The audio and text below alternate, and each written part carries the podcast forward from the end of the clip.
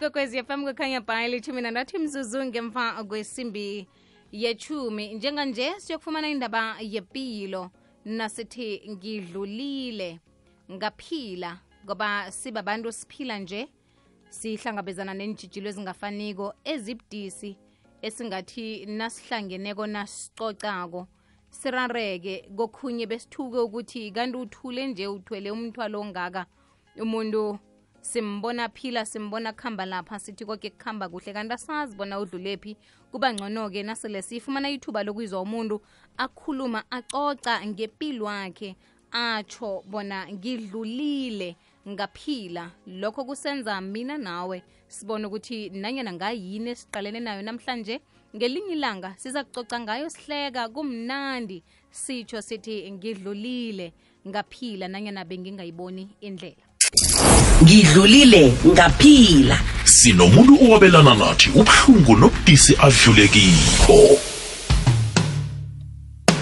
namhlanje sike sinaye lapha omunye esimqala njengekutani yepilo eh ngumma onithabiseng ncwebe kanti-ke uzokwabelana nathi ngendaba yempilo yakhe ukuthi udlule kibuphi ubudisi kwafika lapha abona khona ukuthi kufanele ayithathe yake ipilo fanele ayiqede kufanele azibulale kodwana nangu namhlanje osaphila sikhuluma naye emhathweni ikwekwezi fm sesinthabise ngivukile?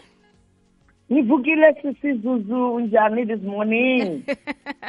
Ngikhona sithokoza ukuthi sikufumane namhlanje uzokhuluma nathi emhathweni ikwekwezi fm ah ngithokoza kakhulu sisi wami ngiyathokoza nabalaleli makhaya. Mhm siyathokoza usesinthabiseng ncwebe ubuyaphi konje ekhaya? Lapha akhulele khona lapha abelethwa khona? Mm sinthabiseng uvele elimpopo epolokwane. Eh ngivele endawo ebizwayo iboyne. I think abaningi bantu bazayazi kuba le i-headquarters ya izo- i- i- i- i- imoria so that's where i was born. Bese ngiyakhula ke ngiyahamba ngiyafunda ngihlala epitori and then around 2002 bese hayi ngibona ukuthi hayi igoli hayi angithandisisi kahle. Hayi ithi ngibuye elimpopo. So manje khona manje vele ngihlala lana elimpopo pulukwane oh uselimpopo. Yebo. Okay U- usesinthabiseng umuntu onjani? Umuntu Ah. othanda ini? ah usisithabise ngumuntu othanda ukuhleka a lot. Ngiyahleka mina sisi Mhm. ngiya ngithanda abantu. Mm. Eh ngithanda ku eh, yentela abantu to serve people. Hmm. and um ngithanda eh, usisithabise ngizamthola a ahamba akhuluma nabantu basebenzayo estrateni ahamba a- a- akhuluma nobantu basebenza emgodini. Mina ngiyahamba ngezinyawo. So mina Ya. ngi- ngimuntu othanda ukukhuluma nobantu kakhulu because mangikhuluma nobantu ngifila ukuthi eh ngiyayifu- ngiyafunda ngabo and then offloada so ngimuntu ohlekayo ngimuntu o- osebenzayo ga- kakhulu. Ngisebenza ngeziyandla ngisebenza eh, eh, em, you know nge in my in my office as well but kakhulu kakhulu what would define me? Kuthanda kabantu kakhulu ngithanda Okay. abantu kakhulu. Hmm, uyezwakala na ukhulumako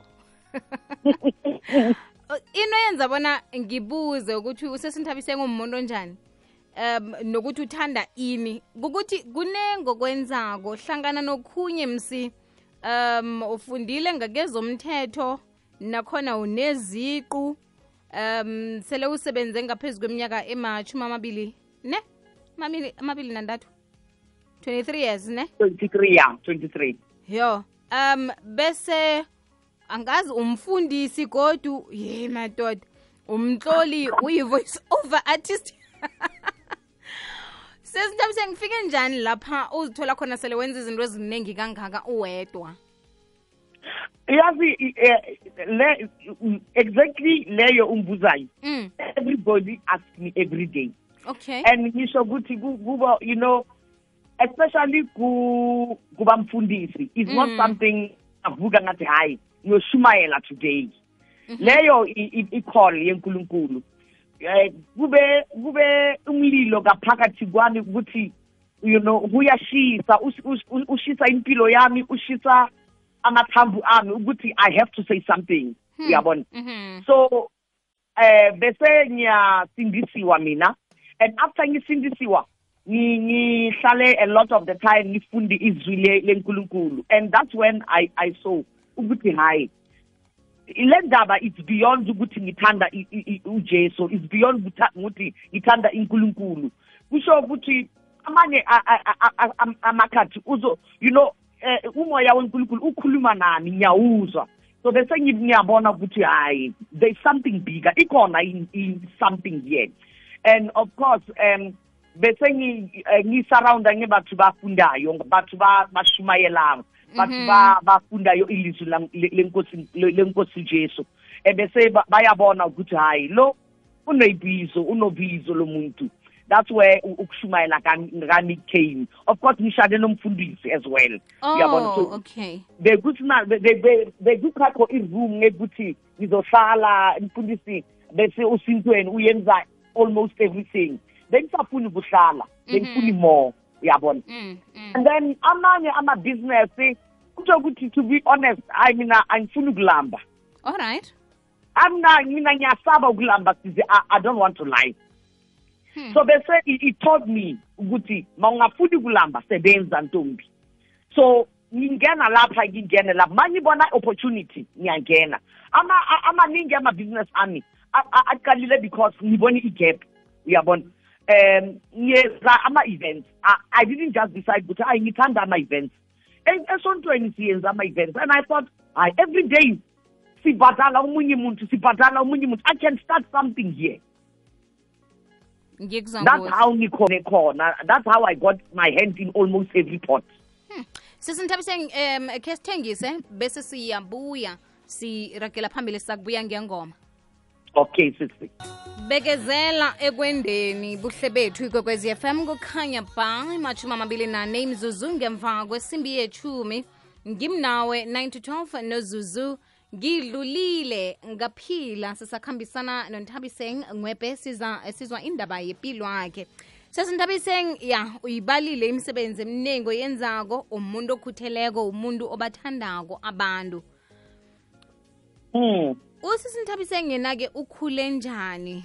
Ukhule amntwana onjani? Um okumsize bona abe muntu lo eselanguye namhlanje? You usesinthabiseng umuntu mina i- ifamily e- enothando and um um ifamily yami yimi firstborn and then ubhuti wami ulandelayo then my younger sister. And um ukuthi for me uthando lebe bengikubona ekhaya i think ukuthi kufike isikhathi sethi when my parents uh, got divorced they bese ngiyalahleka because bengisangazi ukuthi impilo impilo ishentsha kanjani Oh. uyabona so Mm. yeah up until i think bu age 10 12 bengise boarding school but ngibuya vela ama holidays and impilo was right Mhm. impilo was good but angithi so umntwana awuboni awuyazi ukuthi behind iminyango ukuthi kuyenzakala yini uyabona? So bese kufika kufika isikhathi ukuthi hayi my parents bayasplitter and i think for me that's when a lot of bad things eh bese ngibona impilo ukuthi hayi hayi right. Bese ngiya ngi- ngiyadideka ngiyaba confused lapho. And then that's when my life just started falling apart kwenzeka konke lokho njalo ukuhlukana kwababelethi bese uhlala nobani ukhuliswa ngubani ngubaba namkha ngumma wakhetha liphi ihlangothi namkha wakhethelwa liphi ihlangothi? Ya uyayazi ukuthi akithi ikwantolo yemthetho would say okay umama ufumana i-custody and that's what happened nathi. Bese but mina bengithanda ubaba wami kakhulu. And also not ukuthi ngithanda baba wami kakhulu but Mm. also ukuthi le stage besi adolescent. And uyazi ukuthi umama bayashaya ngithi. Iye. Umama baya baya baya baya baya baya kukhonza indlela bathi eh eh don't do this ungayenzi lento so mina ubaba wami be- be- be- soft too much. So mina vele bengithanda ubaba wami because usoft. So bese mina ngithi hayi angifuni ukuhlala nomama wami bengihlala nopapa- no- nobaba wami. And um i think uh, uh, le lesiyo lento is some of the things let's say i-confusion for me because e-age ye-thirteen awazi ukuthi udecide ukuthi yini lento i-right for wena and yini into inga- ingabi right for wena. So uh, mina ngalahleka khona khona lapha because bengangazi ukuthi okay ku-right kuthanda omunye m- eh, mzali angibetray omunye na uyabona? So Mhm. those things they were wrong they were ra- they were causing a lot of kudideka for mina as a young child. Bese wadlula njani-ke? Ki- ki- kikho konke lokho namkha kuyenzeka mhlambe wazifumana sewusekingeni ekulu ngelinye ilanga ngenxa yakho konke lokhu obekwenzeka ngesikhathi eso? Too much sisi bengingena bengingena inkingeni every time. And i think ukuthi it was my way of kukhala uyabona?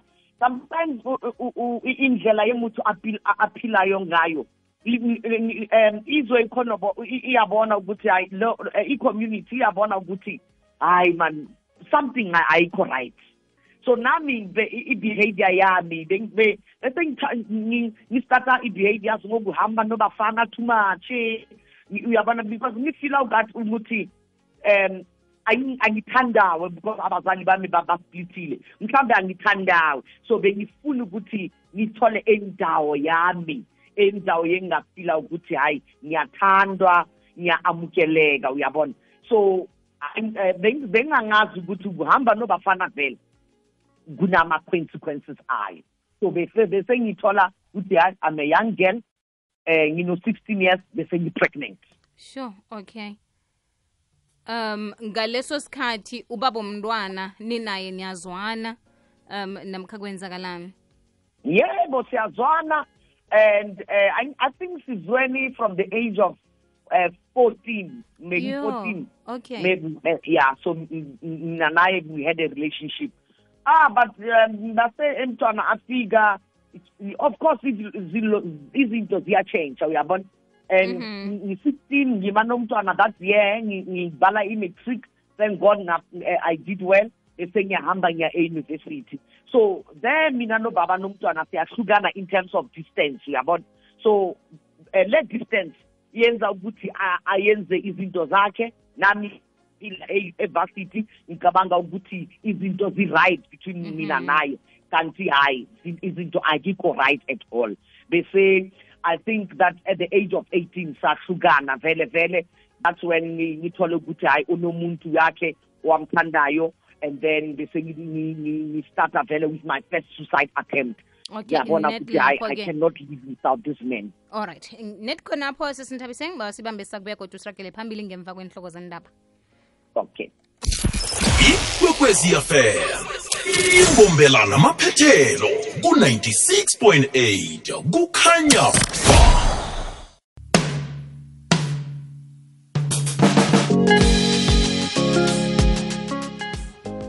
imachumi amabili nethoba imzuzu ngaphambi kwesimbi yechumi nanye ikwekwezi yafam kukhanya bangimnawe-912 ngidlulile ngaphila sikhambisana nontabiseng ncwepe sisinthabiseng uthi ninobaba mntwana nahlukana.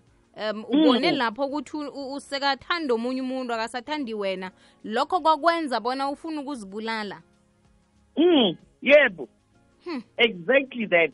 Eh bengimthanda and benginga bengingacabangi ukuthi ngi- ngi- ngita ngitaba nempilo outside of of of of le kuzwa kuzwa eh, kuhlelwana kwethu yabona. Mm, mm. So um it became too difficult for me ibe inzima kakhulu ukuthi ngiphile nayo so bese ngiyabona ukuthi i-suicide ngempela ngempela is the only solution for mina and ngaleyo sikhathi angicabangi nge- nge- ngemntwana wami ngaleyo sikhathi angicabangi ngabazali bami angicabangi lutho. Mm. and and uh, ukusho ukuthi for me that's when i realized mangibheka emuva ukuthi eh i-depression iqale iqale at that point. Uyabona? Bengingaboni ukuthi vele kuna you know i can't I, i couldn't have life outside of lento lebenginayo bengimthanda bengithanda i-relationship bengibona ukuthi ukuthi ngiyathandwa vele. Okay sesinthabiseng kulula ukuthi ngingathi mina bewusesemntwana bewusesemncane nobabili kuhle kuhle. Um nihlangene nina 14 nanina 16 seniba nomntwana. Net khonapho sowubona ukuthi impilo yakho iphelele. Yini le engaka ebe uyithola kuye sewutshwile ukuthi ababelethi ba- ba- bahlukene. Yini le ngake bewuyithola kuye bowubona ukuthi angeze usayithola komunye umuntu namkha epilweni empilweni nje ngaphandle kwakhe? Be- be- bengifuni indawo Oh. indawo ye ya. And mangithi mangi mangithi indawo sizuzu. Angikhulumi i- i- i- ekhaya enama four walls uyabona? mhm. ngikhuluma endawo yami. Ma ma mangivela le ndawo ngi- ngi- ngisho vele ngi- ngi- ngi- ngingakhona ukukhuluma ukuthi lapha eh lapha ngi- ngi- ngikho ngikho khona ngiyathandwa. Lapha ngingokhona ngiya-amukelwa and i feel ukuthi ngiya-appreciatiwa uyabona? So i think the biggest thing that hurt me was our, i didn't have a home. And, and i say it's not the four halls. I wanted a place of belonging. Kubelonga nje just to feel that i belong. Um yinto pheze um engicabanga ukuthi kaningi asiyitsheji leyo bona iqakatheke kangangani. Ngoba ngingakusola ukuthi umlilela njani umuntu onganandaba nawe um uhlala njani iminyaka nomuntu ongakutshengisi ukuthi uzimisele ngawe kanti yindlela wena ozizwa ngayo nawunaye lo muntu. Uzizwa usekhaya uzizwa wamukelekile muzwa ongawutholi nanyana kukuphi um sizuzu ne? Um i think ukuthi i- i- a- asiyithethi lento and asi- asiyikhulumi to be honest. mm. but um am- ama experiences ethu emakhaya ayakhuluma a lot. Mhm. and ayenza a lot of I, I, they leave a mark. Uyabona? I- ayenza something kubantwana bethu. And for me that's exactly what happened. And ma ma kuna ama-tension emakhaya. Asi asi asicabangi as as abazali ukuthi what does our fighting do to our children? What does our fighting do to the environment? Because aningi abazali sicabanga ukuthi hayi abantwana ababoni ukuthi kuyenzakala yini. Mm. uyabona? Mm. and for me um in as much as umuntu angathi uyangisola because why ngingafuna umuntu a- a- a- a- a- a- a- akho ama-intentions ngami? Awuyazi ukuthi lo muntu ana ama-intentions ngawe. We- wena ubona just fana that feeling you know Yeah. that feeling emzuzwana ethi you you know i don't have to fight for, for my place. I don't have to fight for ukuthi umunye muntu must give me attention. Because uh, uh, uh, uh, iqiniso ukuthi when parents fight when parents have difficulties nabo bayastrugglisha bayagowisha through those problems uyabona?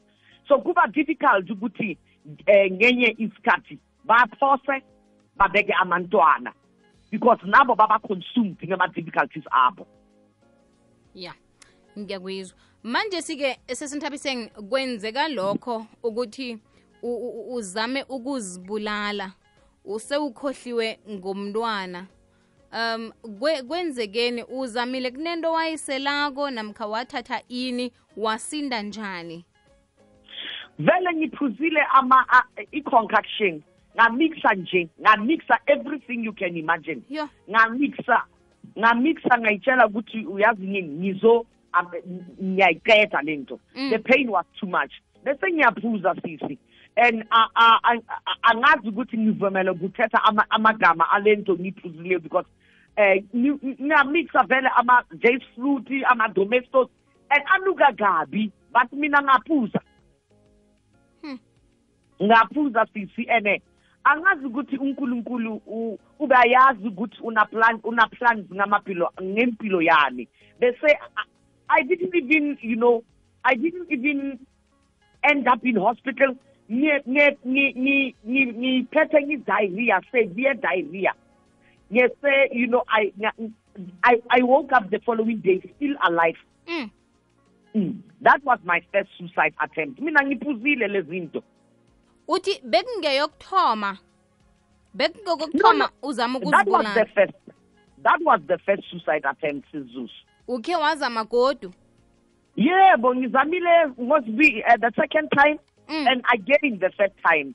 And manje today ngakutshela sizuzu nabalaleli ekhaya ukuthi my third suicide attempt was more than i think 20 uh, or, or yeah after i think 19 or 20 years back Mm. because it was in my 26 27 i was 26 27 namhlanje i'm 45 years old and i'm happy to Uguti. i've never attempted suicide again from that point okay All right. so bewukhohliwe ngomntwana ngesikhathi eso na uzama ukuzibulala um ithe nayibuyako ingqondo sele ubona ukuthi wenzeni umbona nomntwana? Wazizwa njani?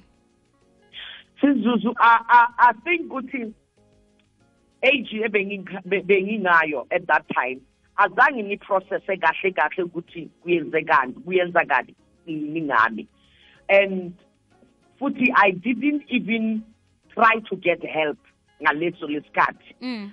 mina i just ngivuke nje ngiyaphila okay. Ngivuke nje ngino diarrhea okay? Bese after two three days i was fine. Then bese ngiyahamba ngi- ngi- ngibuyele muva esikoleni. Because uh, le suicide ngi-attemptile ngibuye esikolweni ngadlula ngo-boyfriend ngithola i-boyfriend anemunye uh, uh, intombi. Ngibe sengithi hayi i'm ending my life. But i chose ukuthi mangiye ekhaya ngibone umntwana wami for the last time and then ngicommite suicide. Mhm. so after all of that ngibona umntwana ngatrya commit suicide after three days i was back to myself. Azange ngafuni i- i- i- i- isindiso ukuthi you know maybe ama-psychologist. Azange ngihlale phansi ngicabange ukuthi hey mthabiseni le nto uyenzani? Inkulu a-a. Mina i just moved on with life. Okay. Ngiyakwizwa khe sithengise bese siyabuya kodwa siyirakela phambili nekulumo ethu mm. Mkhanyo kwaphela osusa ubumnyama.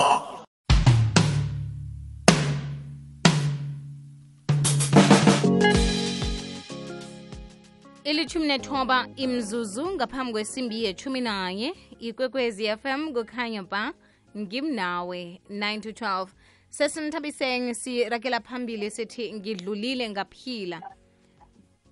Mm. i- isenzo lesi owasenzako ukulinga kwakho ukuzibulala nangumntwana yena kufanele akhule.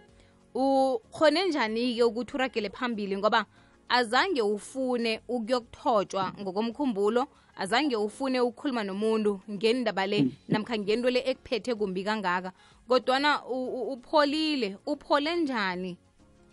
Okay, I um my second suicide attempt is uh, it happened after be- bengiye emshadweni and then umshado uy- uyabheda manje. Akukho i- i- i- u- u- umfutho akukho i- uthando. And um when we were going for a divorce bese ngiyabona I can't cope. Uyabona bese ngiyattempta vele second suicide. And leyo after that attempt it's the first time ngahlala phansi. And abazali bami umama wami eh wonzalayo kuye wathi ha no. Ufanele ukuthi udinge isizo udinge i-help because you know you can't cry for umuntu angakufuniyo you can't, you can't cry for i-marriage e-abusive.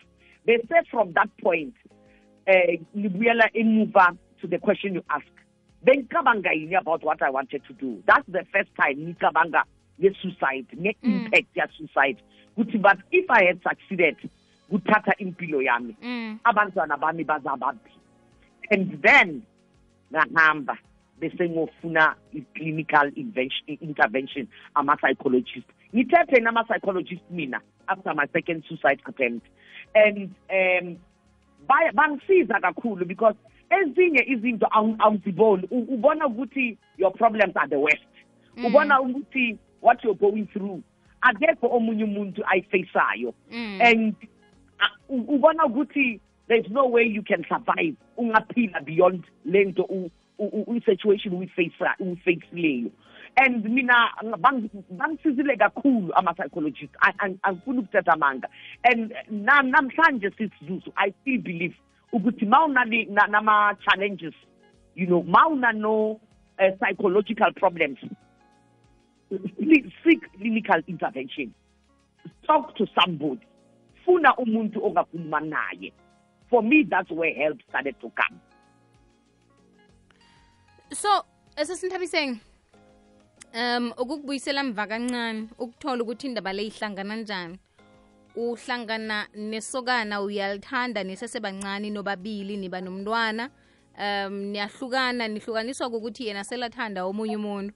Iyakuhamba iminyaka uhlangana nomunye kodwa umuntu naye uyamthanda bese niyachata yebo exactly like that. Kodwana-ke izinto azikhambi kuhle lapho emtshadweni nalapho kwenzekeni ubone ukuthi umuntu lo akasakuthandi sekathanda omunye umuntu uyithethe njani lento ngoba seyenzeka pheze kwesibili uhlukumezekile ethandweni ekuthomeni uthi uyabuya uyalinga kodwa uyahlukumezeka uh-uh. lo lo lo mshado i- it was an abusive marriage sisi be be bengingavumelanga ukuyenza izinye izinto zenormal uyabona Hmm. eh eh kunabantu ba ba ba- ba- ba- bangitshela ukuthi hayi so and so unga ungabi na ungathethi nabo and le ndayo le ndawo ungayi uyabona Mhm. and so if and in my career ngiyasebenza by that time. Mina ngishade ngisebenza. Okay. So it's difficult ukuthi ungitshele ukuthi ungathethi no- no- nobantu abasilisa because everywhere you go abantu abasilisa they are also occupying positions angithi iye. So yeah so i cannot go into maybe ama ama eh, ekantoro SABC bese ngithi angithethi nobantu basilisa. Mina bengitshelwa ukuthi oh uthetha nobantu basilisa ujola no ujola no Oh, ujola no. oh. so that was the life in in in- emshadweni wami. Kwase kufika e- e- e- isikhathi ukuthi bese ngiyakhombiwa ngesibawu ngiyatsheliwa every day ukuthi you know what um u- u- unga ungacabangi ukuthi ngihamba mikhambo yabo ay- angiboni ngiyayazi ukuthi uyaphi ngesikhathi siphi and kukho abantu babangitshela ukuthi uyaphi uyabona. So the worst part was mm, eh kufika isikhathi kutho- kusho ukuthi amasilala embhedweni ngilalisiwa vele nge-firearm uyabona? Sure. So it, it, it became to a point ukuthi abazali bami ubaba wami eh wathi kimi mntanami uzofa kule ku- kule mshado uzofa. And that's when I I I, I realized ukuthi no this is too much. And funny enough mina angahamba ngathi ngiyodivorce U- u- un- indoda yami uhambile wathi wa- u- umtshelile some other time ngihamba ngetrip emsebenzi wathi kumi awuyi Cape Town. And by the time ngiyamsebenzini wathi awuyi Cape Town. Uyajola mawuhamba uhamba nebandoda no amanye amadoda. So mina ngathi hayi ngiyahamba. Mangibuya that's when i got served ngama-summons a-divorce uyabona? So udivoswa nguye? ngidivorce nguye. Okay. but mm, uh, i think ukuthi be-angithuse be ah, he was threatening me uyabona so mina ngafika estage sengithi you know what i'm fed up. What, you can't threaten me like this. Uyabona? So because beyafuna ukuthi at some point ukuthi i withdraw a divorce. Mina ngathi hayi siyaphambili nge siyaphambili le divorce. And that's how umshado wami uyaphela ngakho. Hmm. akhe ngenilwe na usolo uthi uragela phambili nedivorce ngoba wena sowufuna ukuphuma lapho? Yeah yeah. I think i think ukuthi sometimes emshadweni siyenza izinto and sicabanga ukuthi the next person uzomamela uzo ebambelela uzobambelela uzobambelela. Kufike isikhathi uthole ukuthi hayi enough. Naye ak- ak- ak- ak- akusakhona. It's no longer possible ukuthi abambelele. Mhm mm. yo okay. So usesinithabiseng namhlanje ungomunye umuntu sitho eh, sithe nasithomako um sabala imisebenzi emihle oyenzako. Ukhone njani ukuthi konke lokhu okumbi okubuhlungu okwenzeke kuwe ukuchiye emva? Uqalane nonithabiseng nokuthi unithabiseng uphathiswe ini? Ephasini apha khuyini okufanele akwenze ngempilo wakhe? Ukhone njani? So uh, um first thing ukuqala ne uku what what's the right word? Uh, forgiveness. Forgiveness sisi i remember during the divorce bengihambe i-psychologist The psychologist. Wathi me. fanele ukuthi u- umxolele. Omunye mama before she's the one who referred me to the psychologist. She told me the exact same way. Wathi kumi ukuthi uphole ufanele ukuthi umcolele lo- le ndoda. Before before even the divorce is final. So mina ma ngi- ngidlula at final stage enkantolo ithi lo is finished. I had already forgiven uyabona? Okay. Beyikolele already. And then secondly eh kwafika isikhathi sokuthi ngi ngi- ngi- ngi-experience ama-problems financially. Mm. and during those problems ngayazi ukuthi ngathola ukuthi angina-solution nganthola ukuthi that's the time ngifuna unkulunkulu manje because ngiyabona ukuthi eh i don't have any way out. Mm. and believe me mina ngitholi a different turn empilo yami. Ngiyibonile bese ngithole ilizwi lem- le- lenkulunkulu. Because be- be- eh, through izwi lenkulunkulu be- be- eh, ngaqala ukuthi understanda ukuthi ubani umthabiseni Ngaqala- nga- ngaqala uku-understanda ukuthi ngiphathiswe yini. Also ngaqala uku-understanda ukuthi on top of lokho unkulunkulu amphathisiyo i also have anger. I Mm. also have bitterness. Mm. and fanele ukuthi i must get rid of those things ukuthi ngiphilo ngiphile impilo ye ngithandayo. And eh mina i get, i can tell ama ekhaya sizuzu. Kuxolela to let go of anger to let go of bitterness is the first step ukuthi muthu aphole. Wow. Okay. Alright ke sithengise bese siyabuya siyayivala sesinithabiseni okay sizuzu yihle iyafanelwa irhanyazela madimini bewusabatlere wekitezana nakusitshingwana siphothelwe sitharha salutshelwa kamnanjazana ngejuba nobukhobe. Amateksana agcwalwe bukhethu adosa amehlo ukuthi ngehla kwawo ziinrholwani zikanokutsho ezenganyelwe yitshorholo eyikhamba bayibusa. Ikwekwezi fm imbethe unokhethwako ukhanya ba ngidlulile ngaphila. Sinomuntu owabelana nathi ubuhlungu nobudisi adlulekiko ngonithabiseng ngwebe esikhulumisana naye. Namhlanje um nabe silalele indaba yepilo. Sesinithabiseng abentwana uh ba- ba- bayingakhi? Nasingabuza mhlambe ngine eh, ngino two. One my my daughter obesenga teenage pregnancy and one my son from the marriage leyo e, e abusive ya ubudlelwano bakho nabentwana bakho bubenjani? Khulukhulu nasiqala ukuthi ngaloya wokuthoma wapheze wazibulala wamchiya sesemncane ngoba nawe bewusesemncane uphuke ihliziyo eh ukudlelana ngami nabantwana bami khona manje it's 100% okay i i'm sure ukuthi it was always like that sisi mm. because abantu balimaleyo balibanza abantwana as well Mm. na bengi be- bengingakhoni ukuh- kuhlala nobantwana bami si- sibukele i-tv together bengingakhoni ukuthi sihambe imoto sihleke siya ama-movie singa ah. mina ma- ma- i- i- eh, bengithi nga- mangikhuluma nebantwana bami ngithi yenzani so bengi be- bengi-authoritative alright uyayazi Mm, yeah. so mm. beku- be- bekukho room yama-conversations and uh, leyo was because mina ngi- ngilima ngilimele yeah. And impilo yang- ya- yangifundisa ukuthi fanele u- u- u- usidefende. And sometimes ma usidefenda always u- u- uba aggressive in the process. And eh, ngathatha lento yaba impilo yami no- nobantwana bami. Our relationship improvile kakhulu sisi kakhulu.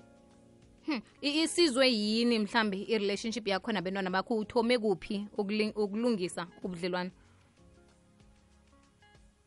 Ngibiza abantwana bami. Nga- Mm. ngafika eh to a point ma ngiyabona ukuthi labantwana they are afraid of me. It started with me firstly when i acknowledge ukuthi i'm wounded. Ngilimele ngiyabheka around me i'm not kind to other people. Ngiyabheka around me when i talk to other people they don't i don't want they can't build a relationship nami because i would say hurtful things. Uyabona sisi mm. Mm. amanzi alimazayo.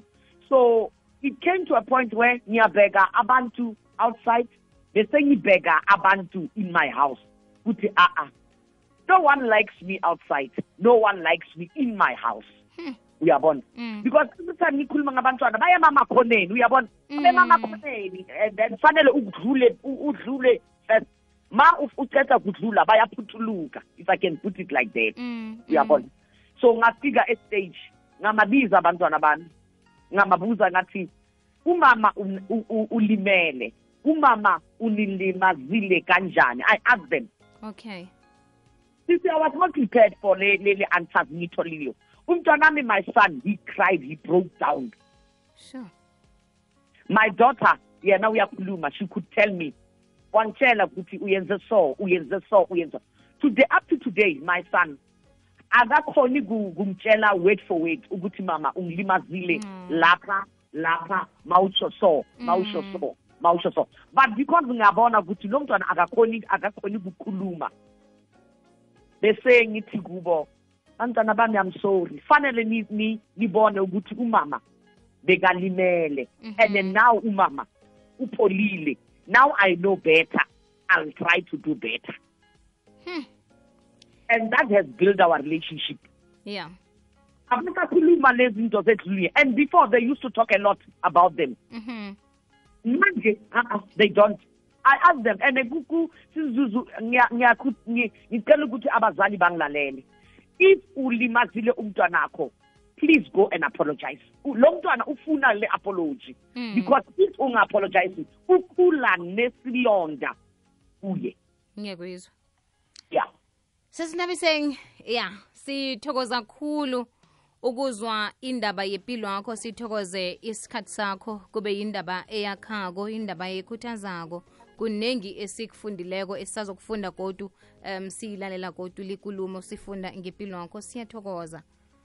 Ngiyathokoza sizingicela ukuthi ngishiye ama-social handles ami. Mhm.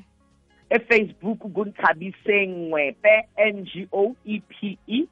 Ku-instagram kunthabise ngcwepe gatla na futhi instagram ntabi space. Ku-twitter kungcwepe nthabi. And of course uh, i-number phone is 082 504 2027 anybody mafuna i- i- i- i- i- is free to contact us. And uh, my book is available in the bookstores the mending of a broken vessel. Ikhona lapha all the bookstores. If bangayitholi they can also contact us. Bazayithola kimi okay sesinthabise ngibawa sibuyelele inomboro za zomtato. 082 504 2027 bangathumela i-whatsapp. Okay.